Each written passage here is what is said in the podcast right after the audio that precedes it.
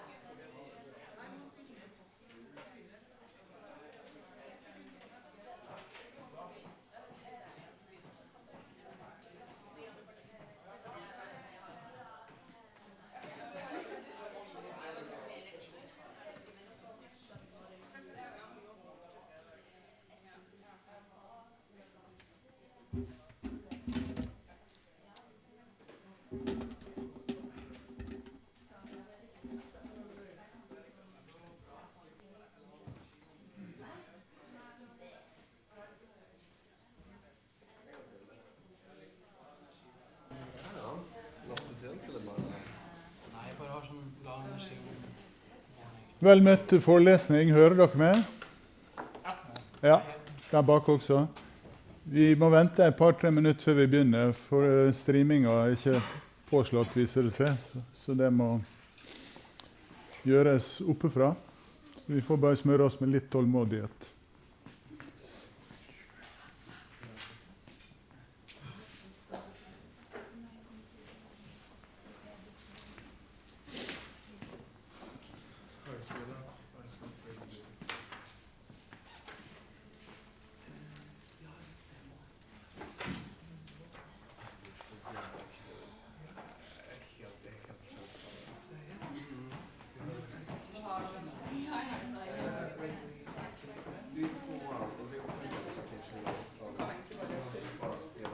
Vi? Ja. Ja. Hei, hallo, alle sammen. Eh, velkommen til eh, åttende forelesning på hellige tekster. I dag er det islamske tekster som er tema. Først er det Oddbjørn Leirvik i første time og Safet Bektovic i andre time. Vær så god. Da må du trykke på Sett på slideshow. ja, det må vi. Ja, det må vi. Når vi From the beginning. Og så må du ta opptak. record. Ja. Ja, eh, som sagt, vi deler dagen i dag mellom meg og, og Safet. Og så er det jo du, Safet, som skal fortsette neste uke med, med tekstarbeid. Islamske tekster, hva er det? Det er mer enn Koranen, det er mer enn uh, hadith. Men Koranen og hadith har likevel en spesiell status som eh, kanoniske skrifter. Eh, I hvert fall Koranen så er det litt mer omdiskutert hva status eh, hadith-samlingene har. Men hvis vi spør etter hva som er de kanoniske skriftene i islam, så er det først og fremst Koranen og med et lite spørsmålstegn hadith vi snakker om. Dere er kjent med kanonbegrepet? Det tar jeg for gitt. Flott å se at hele salen nikker når en spør om det. Koranen, etter det vanlige synet, som også deles av religionshistorikere, så er det mye som tyder på at Koranen ble samla i sin nåværende form bare 20 år etter Muhammeds død. Det er alternative teorier, men det er fortsatt den teorien som har størst oppslutning, også forskningsmessig. Hadith-samlingene derimot ble ikke ferdigstilt i den uh, forma de har i dag. Seks autoritative uh, samlinger i sunni-islam pluss sjiamuslimske samlinger. De fikk den forma de har i dag, først på 800-tallet, etter en omfattende redaksjonsprosess. Og det er jo bl.a. derfor at en god del muslimer stiller spørsmål ved hadith-samlingene sin status som rettesnor eller kanonisk litteratur.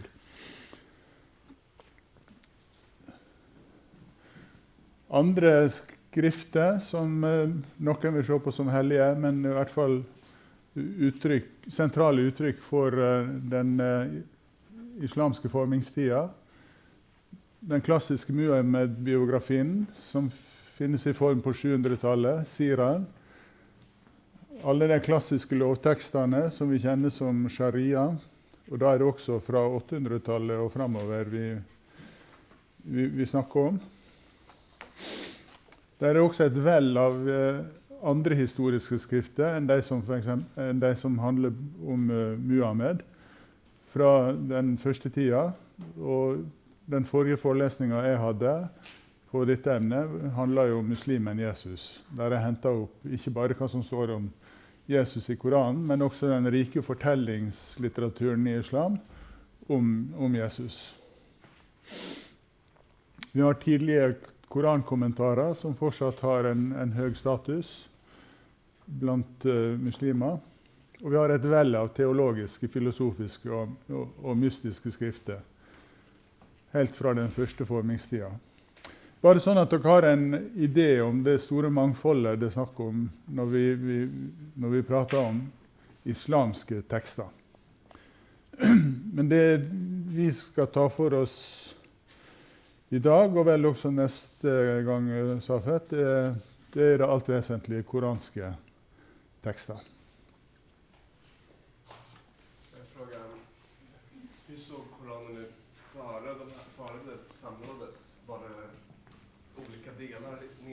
Ja. under profetens tid og sen ja. samlades i efterhand, eller?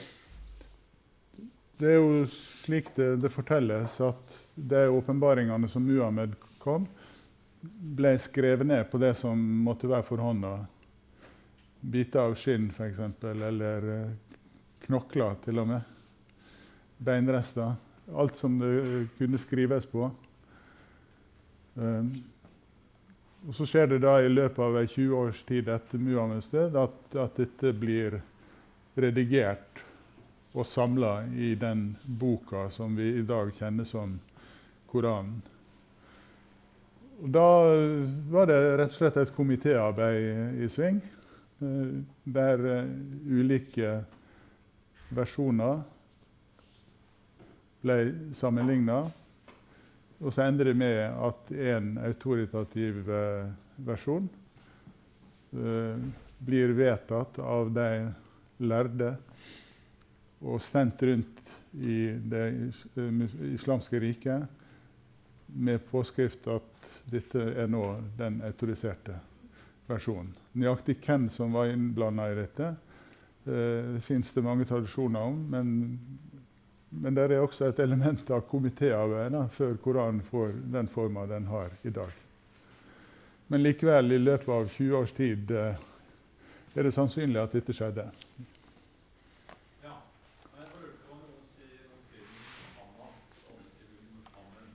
Ja.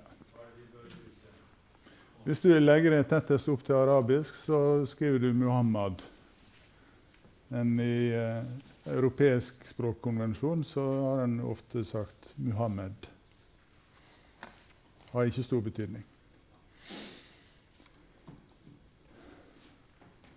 Det jeg har tenkt å gjøre i min forelesning nå, er først å se litt på åpenbaringsbegrepet i Koranen. Uh, og så skal vi gå derfra til uh, et eksempel som har med alkohol i Koranen å gjøre, som kan vise oss hvordan eh, de ulike delene av Koranen relateres til helt konkrete utfordringer som Muhammed og de første muslimene sto overfor. Men først altså åpenbaringsbegrepet. Litt komparativt her. Kristendom og islam etter det klassiske synet så er det personen Kristus, ikke bibelboka, som er å regne som eh, Guds ord. Det er det klassiske kristne synet. og Derfor snakker vi også om inkarnasjon, at ordet blir kjøtt og blod. Det guddommelige ordet åpenbares i et menneske av kjøtt og blod. Mens eh, igjen, etter det tradisjonelle synet i islam, så handler det ikke om personåpenbaring, men verbal åpenbaring. Eh, Guds ord er boka Koranen. Og Derfor kan en eh, for islam sin del også snakke om innliterasjon. At ordet blir skrift. Ordet blir kropp, ordet blir skrift. Men så er ikke det fullt så enkelt. da.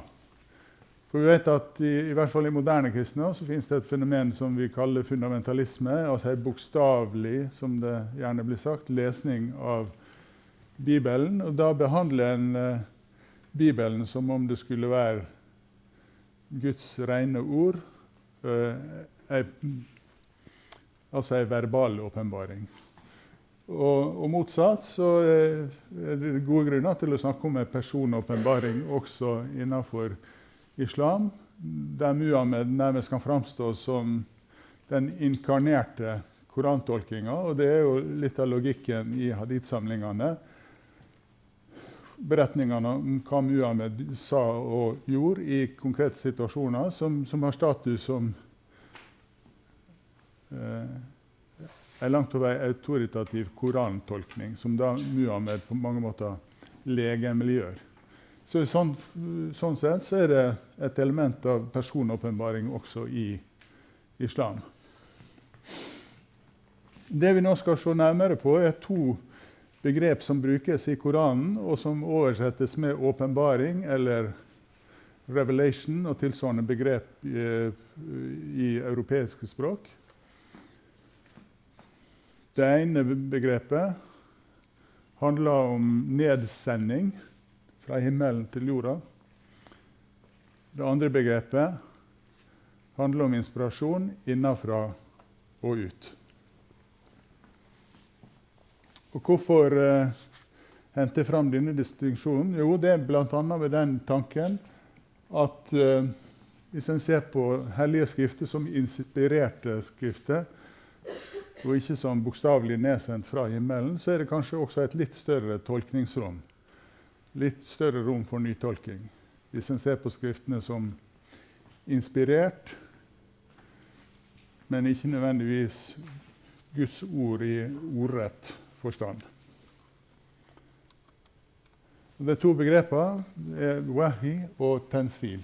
Wahi betyr i utgangspunktet inspirasjon. Tensil betyr um, nedsending av verbet 'nessele', å sende ned. I den norske koranåpenbaringa, koran si, koranoversettelsen, så, så, bruker en ordet 'åpenbaring' for begge begreper. F.eks. når det i Sura 4 står 'Vi har gitt deg åpenbaringer', så er det wahi-begrepet som brukes.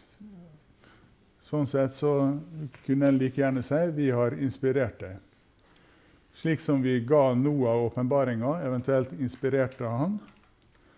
Og profetene etter ham, Abraham, Ismael, Isak, Jakob, stammehøvdingene, og Jesus, Jobb, Jonas, Aron og Salomon. Og til David ga vi salmene.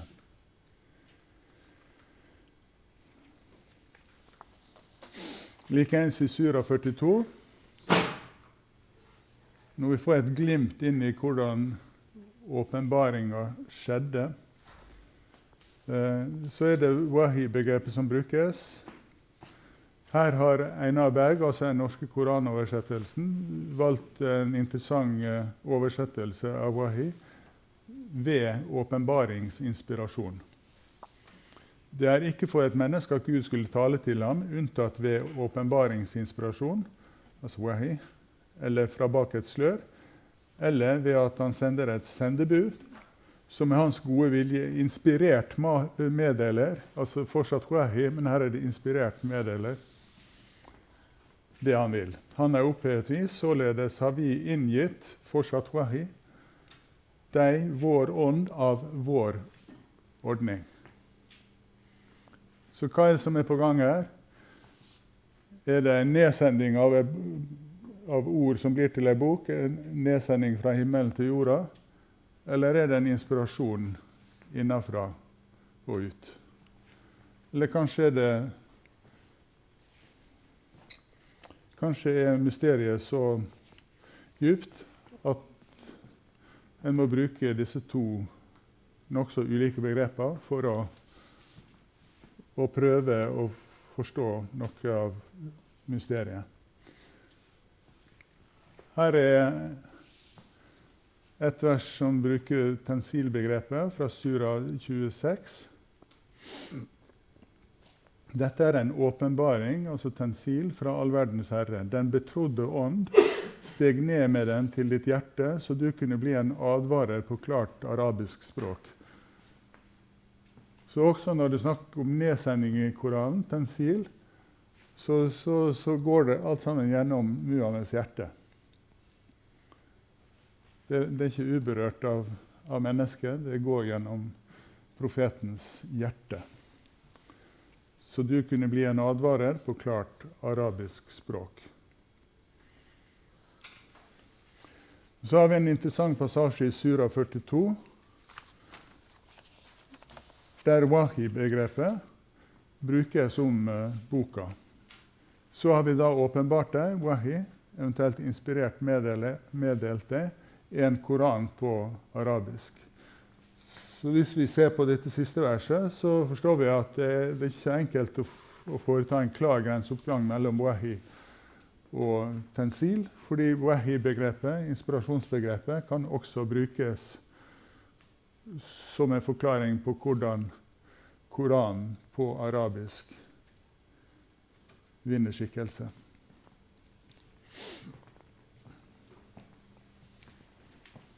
Henger dere med?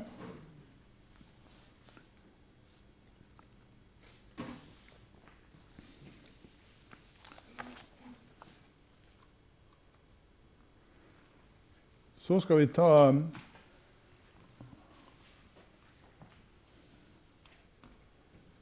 et steg videre.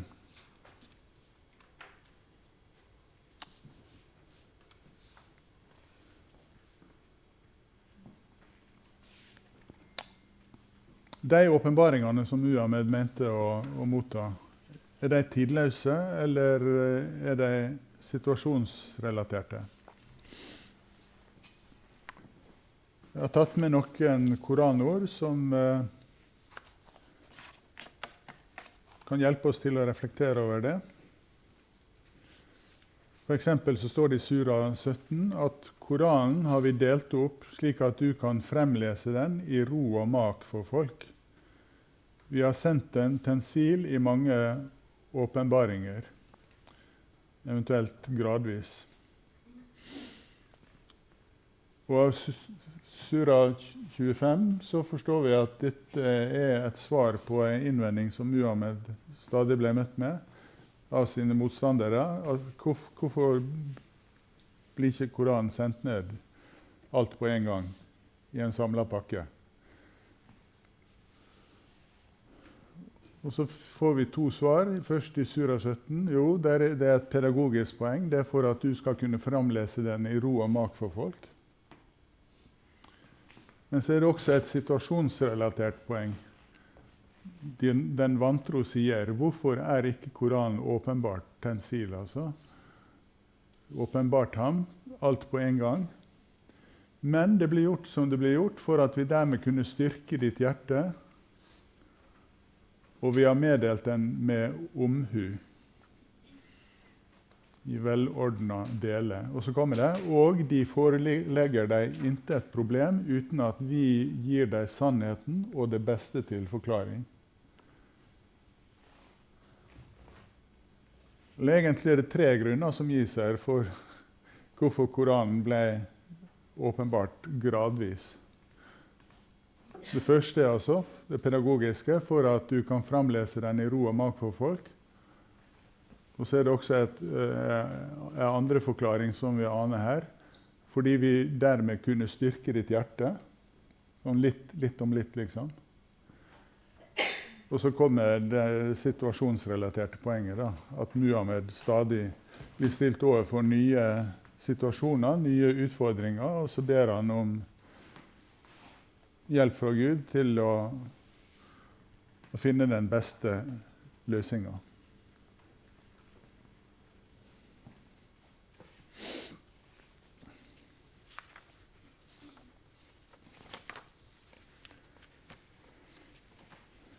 Som eksempel på dette så har jeg tatt uh, med noen eksempel på hvordan uh, synet på alkohol utvikler seg gradvis i Koranen. Fra helt nøytrale, til og med positive referanser, til det som begynner å, å nærme seg et uh, totalforbud.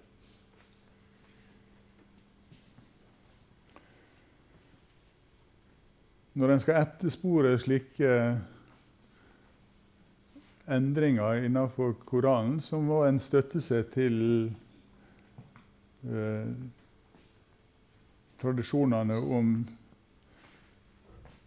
hva som var konteksten for de enkelte koranordene som Muhammed mente å, å motta.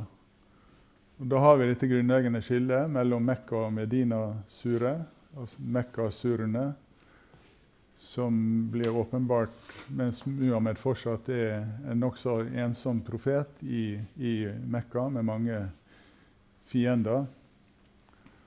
Uh, og så Medina-perioden, etter emigrasjonen til Medina, når Muhammed og muslimene står overfor utfordringer å skulle bygge opp det første muslimske fellesskapet med tilhørende regler for både livsførselen og det rituelle livet. Det tidligste verset etter denne tradisjonelle inndelinga, som, som uh, refererer til uh, berusende drikke finner vi i Sura, Sura 16. Eh, konteksten her er lovprisning av gudstegn av naturen, som Mekkasurene er fulle av. Lovprising av eh, naturens underverk. Da kan vi bl.a. lese at slik er det, er det også med fruktene av palmetrær og vindruer. Fra disse henter dere berusende drikke, og da er det sakkar som er begrep som brukes, og god næring. Her er gjærtegn for folk som bruker forstand. Ser dere? En helt nøytral eller til og med positiv referanse til berusende drikke. Så blir det litt mer problematisk i, i eh, Medina. Eller Muhammed vi, får spørsmål fra sine disipler om vindrikking. De vil spørre deg om alkohol, her er et annet ord som brukes, khemr, som er ordet for vin. De vil spørre deg om alkohol og lykkespill. Si i begge ligger stor synd, men også noe godt for menneskene. Men synden i dem er større enn nytten i dem. Litt balansert eh, på den ene sida på den andre sida. Skulle tro det var en kristen som sa det. Det er et typisk kristent resonnement. Jeg vet ikke om dere kjenner adiafora-begrepet. Det er et etisk spørsmål som det ikke fins noe sånn klart og entydig svar på. der du kan, ja, fra, Sett fra en side slik, sett fra en annen side slik. Ja.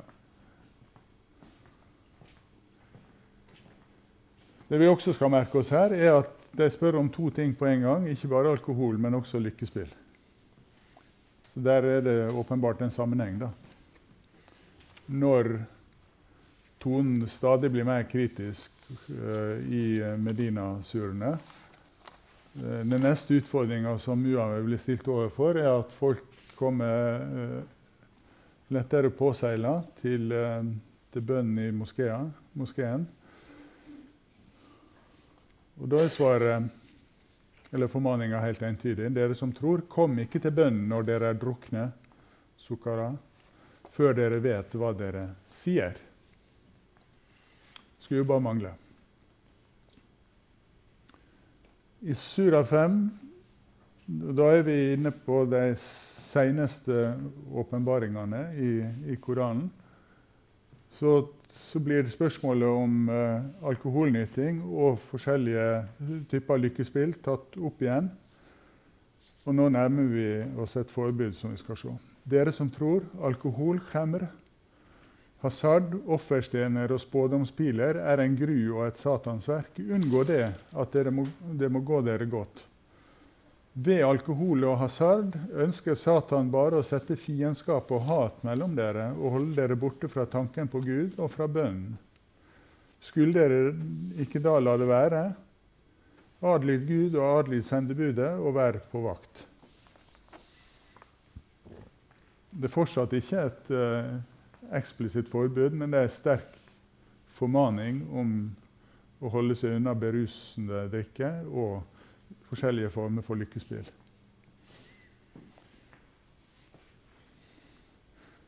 Denne Koblinga mellom alkohol og lykkespill er jo også noe som er kjent fra kristen tradisjon. Da, at en advarer mot alkoholnyting med henvisning til alt det kan føre med seg av eh, kortspill med høye innsatser osv. Ja.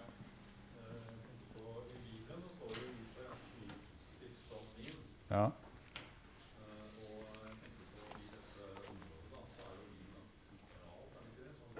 Jo. Men vi har ikke sett hele bildet ennå. Et øyeblikk så skal vi få indirekte svar i hvert fall på det du spør om. Men, men først, hvordan skal vi forstå, forstå dette forholdet at i Koranen så finner vi både positive og negative referanser til alkohol? Det gamle tolkningsprinsippet som kommer til anvendelse her, er det som en kaller nesk. At en senere åpenbaring kan klargjøre, eventuelt også avskaffe ei tidligere. Det har en referanse til Sura 2, der dette prinsippet blir uttrykt. Så med det tolkningsprinsippet kan en si at de seneste åpenbaringene til saka, altså Sura 5, er de, det mest bindende. Og så har en forholdet til hadith. Altså Koranen foreskriver ikke noe slags straff for alkoholnyting. Men det fins haditer som forteller at uh, folk ble straffa fordi de drakk seg fulle. Så da er spørsmålet hva status gir en til hadith-samlingene i forhold til, til Koranen.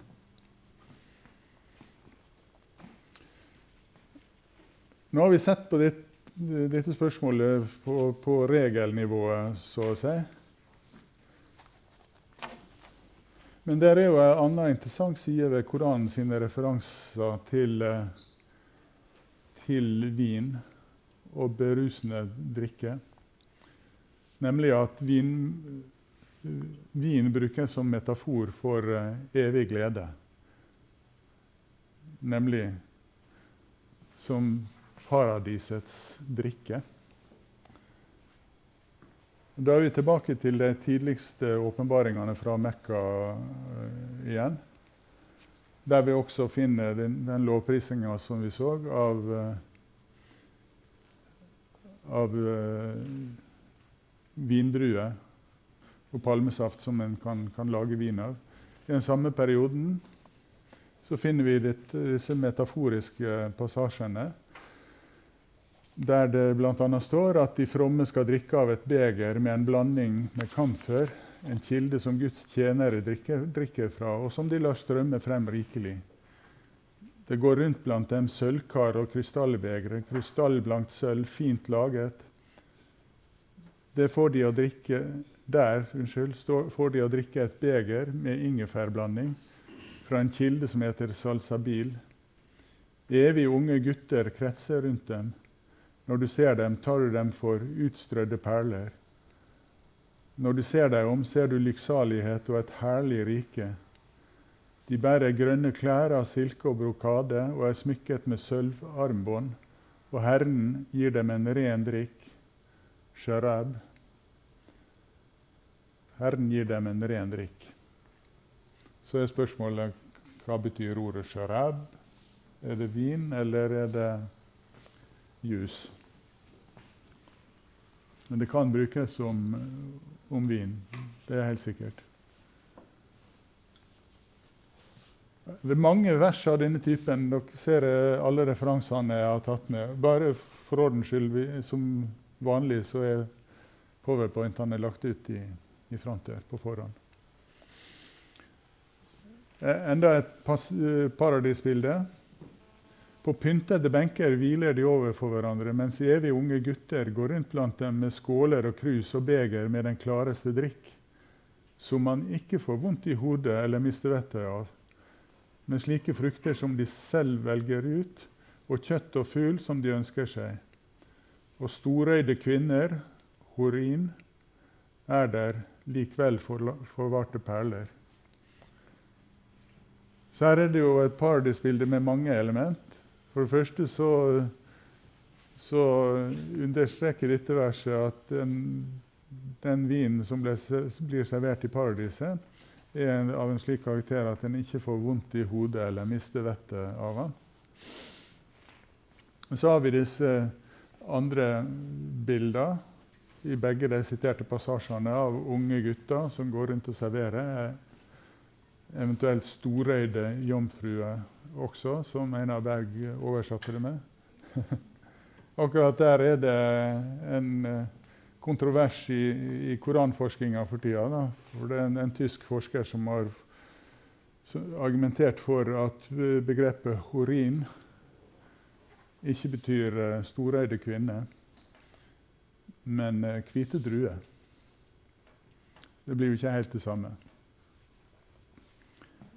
Uh, argumentet hans uh, er del av en større argumentasjon som går på at Koranen har mange låneord fra arameisk.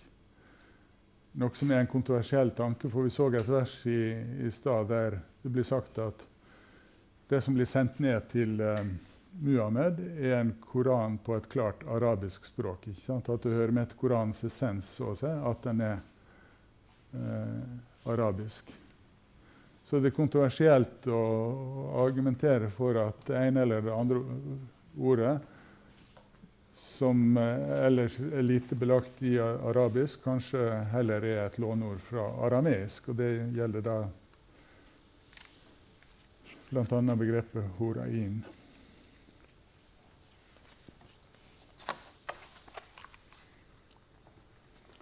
Hva skal vi tenke om dette? da? Hvordan skal vi forstå disse veldig ulike tekstene som har en eller annen referanse til vin, berusende drikke, eventuelt drikke som en ikke mister vettet av?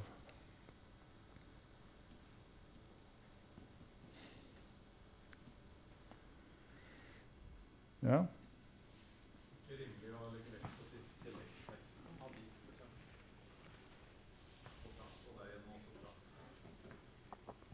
Jo, mange vil jo si det.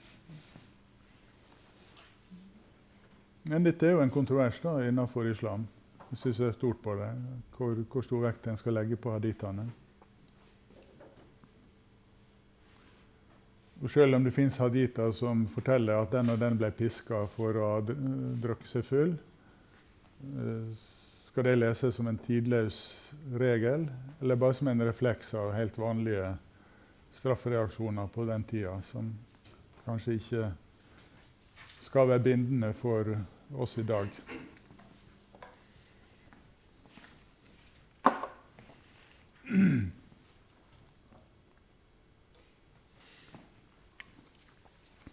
Ja.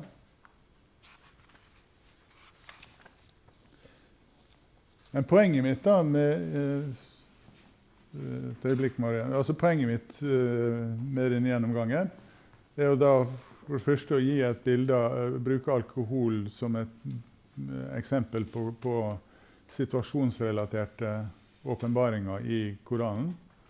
Så henger det litt i, i, i lufta hvorvidt de seneste formaningene skal være tidløst uh, forpliktende.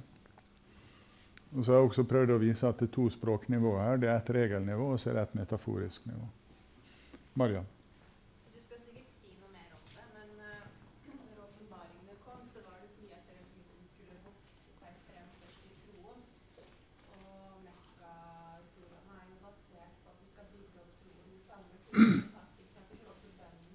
Ja.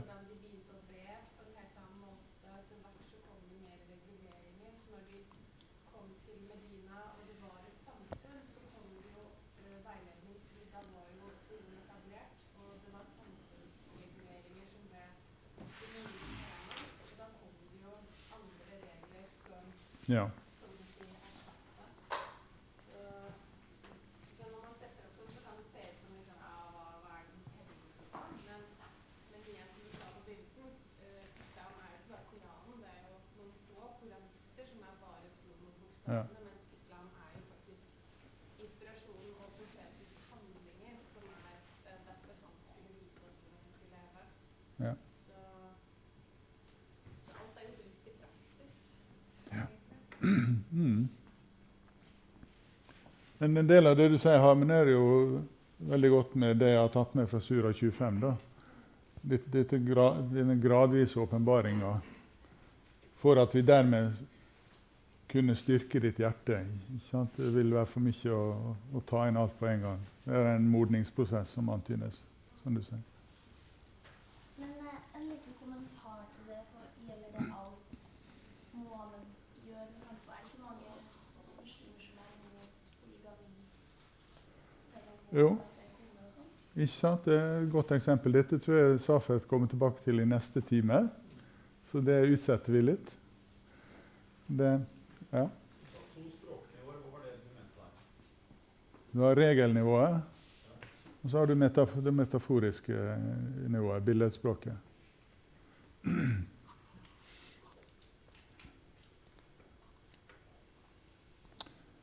Skal vi se litt på resepsjonen av disse At det som har med alkohol å gjøre i Koranen eller muslimsk kultur. I deler av den uh, islamske mystikken, altså sufismen, så finner vi uh, rikelig med eksempel på, på vinmetaforen. Som et bilde på det å rett og slett bli rusa på den guddommelige kjærligheten. Jeg har tatt med et eksempel her. Jeg lengter etter vinbegeret fra den elskedes hånd. Hvem forstår hemmeligheten? Hvor kan jeg bringe sorgen? I lengselen etter å se min venn har jeg mistet min sjel jeg er som et brennende strå, et insekt trukket til lyset. Den smussige kappen og hykleriets bedeteppe, skal jeg sønderrive dem foran vinstuens dør?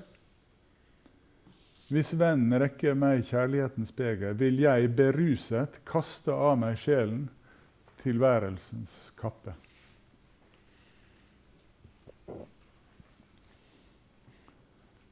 Noen som vet hvem som har skrevet dette? Hmm? Det kunne ha vært Rumi. Det kunne ha vært Hafiz. Han som har skrevet det, er fra det samme landet som Hafiz, men han eh, er mye nærmere vår egen tid. Shirazi? Ja, kunne også være Shirazi. Vi får alle de store persiske poetene navngitt her. Og det kunne godt vært, dem.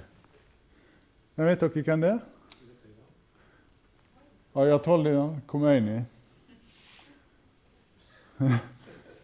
Den store revolusjonsfaderen i Iran.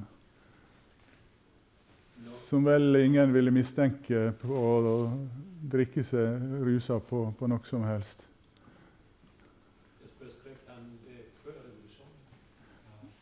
Det er vel ikke datert, men altså, det, ble, det ble gitt ut ei samling av etterlatte dikt fra uh, Dette er jeg litt usikker på. Det er, det, det er liksom datert 86 til 89, men om noen av dikta har et forelegg eh, tidligere, det, det, tør jeg ikke å si.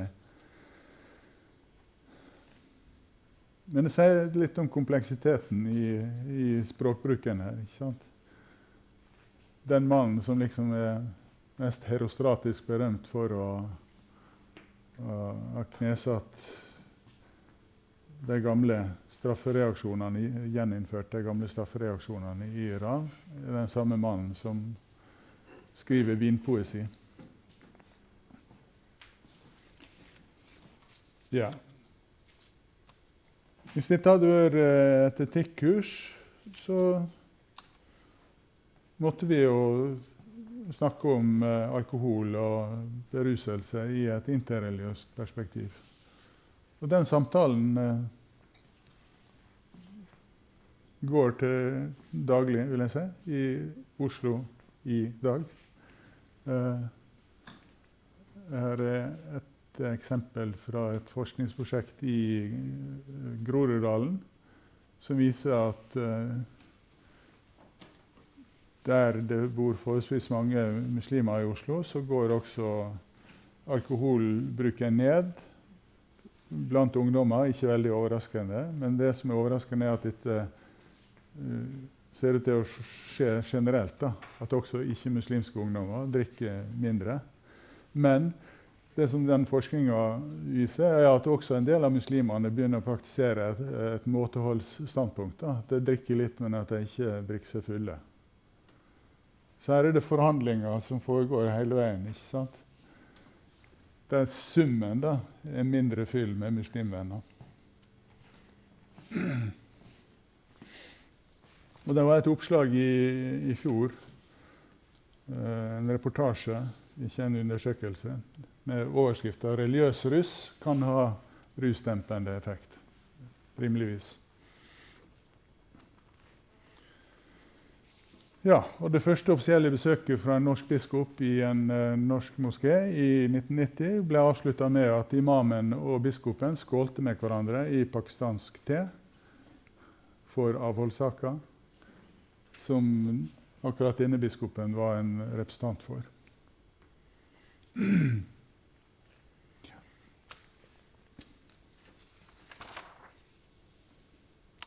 Ja.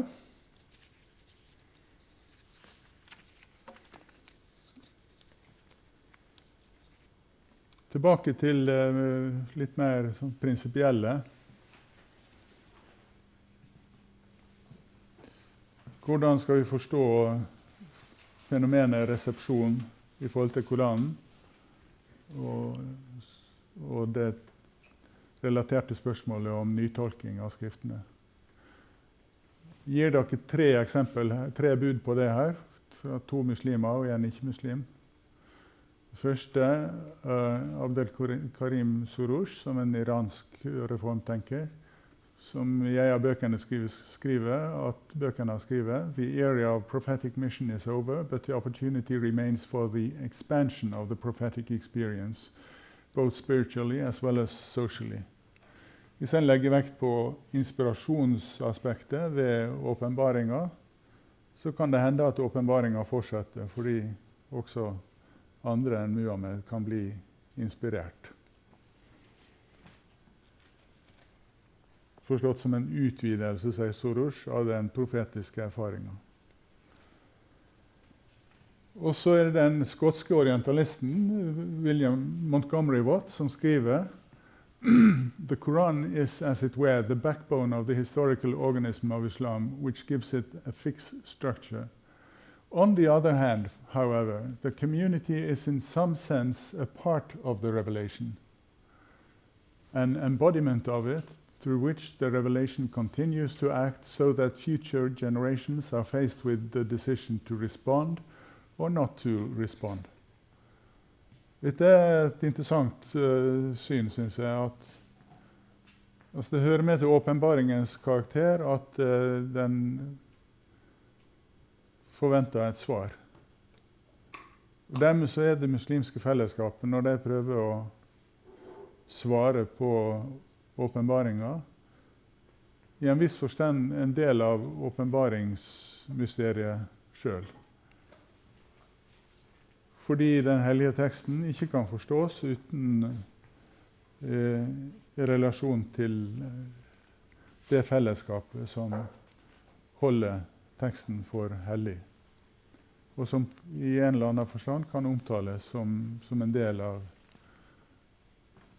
åpenbaringa. Altså det svaret, den resepsjonen som, som gis på, på koranteksten.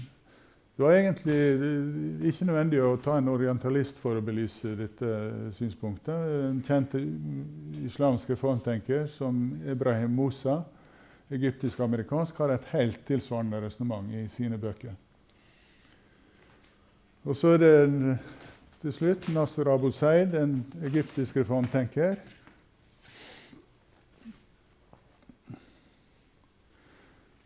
som har det prinsipielle synet at uh, vi kan gjerne se på åpenbaringsfenomenet i Koranen som en inspirasjon. Men at the end of the day, det vi må forholde oss til, er at, uh, at, det ble, at det ble bok av det. Og så sier han When the Quran was, was first sent down and recited in the moment of inspiration, og da er det wahi-begrepet, laksat el-wahi, the Quran was transformed for, from a divine to a human text, from ascending down, ten seal, to interpretation. Og begrepet der er ta'wil. Så selv om en har, fører videre denne forestillinga i Koranen om at Koran, Koranen som tekst er sendt ned fra himmelen gjennom Muhammeds hjerte og forkynt for folket, så skjer det noe med det guddommelige ordet når det blir sendt ned i vår virkelighet. Da blir det en del av, av vårt språk. Det inviterer oss til å respondere. Og hvis vi våger oss på det, så er vi ikke nødvendigvis en del av åpenbaringshendelsen, men vi er i hvert fall en del av det tolkende fellesskapet. From ascending down, tensil, to interpretation, wheel.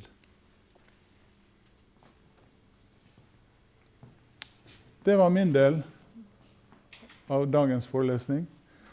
Eh, det som jeg regner med å ikke få tid til, men som, som ligger i front der, handler om litt mer om forholdet mellom Koranen og hadith, og hvordan en kan se hadith-samlingene i forhold til Koranen. Men det fikk ikke vi tid til å snakke om i dag, så derfor så stanser jeg her. Da er det vel vanlig pause til du tar over sjafett? Til kvart over. Ja. Mm. Okay.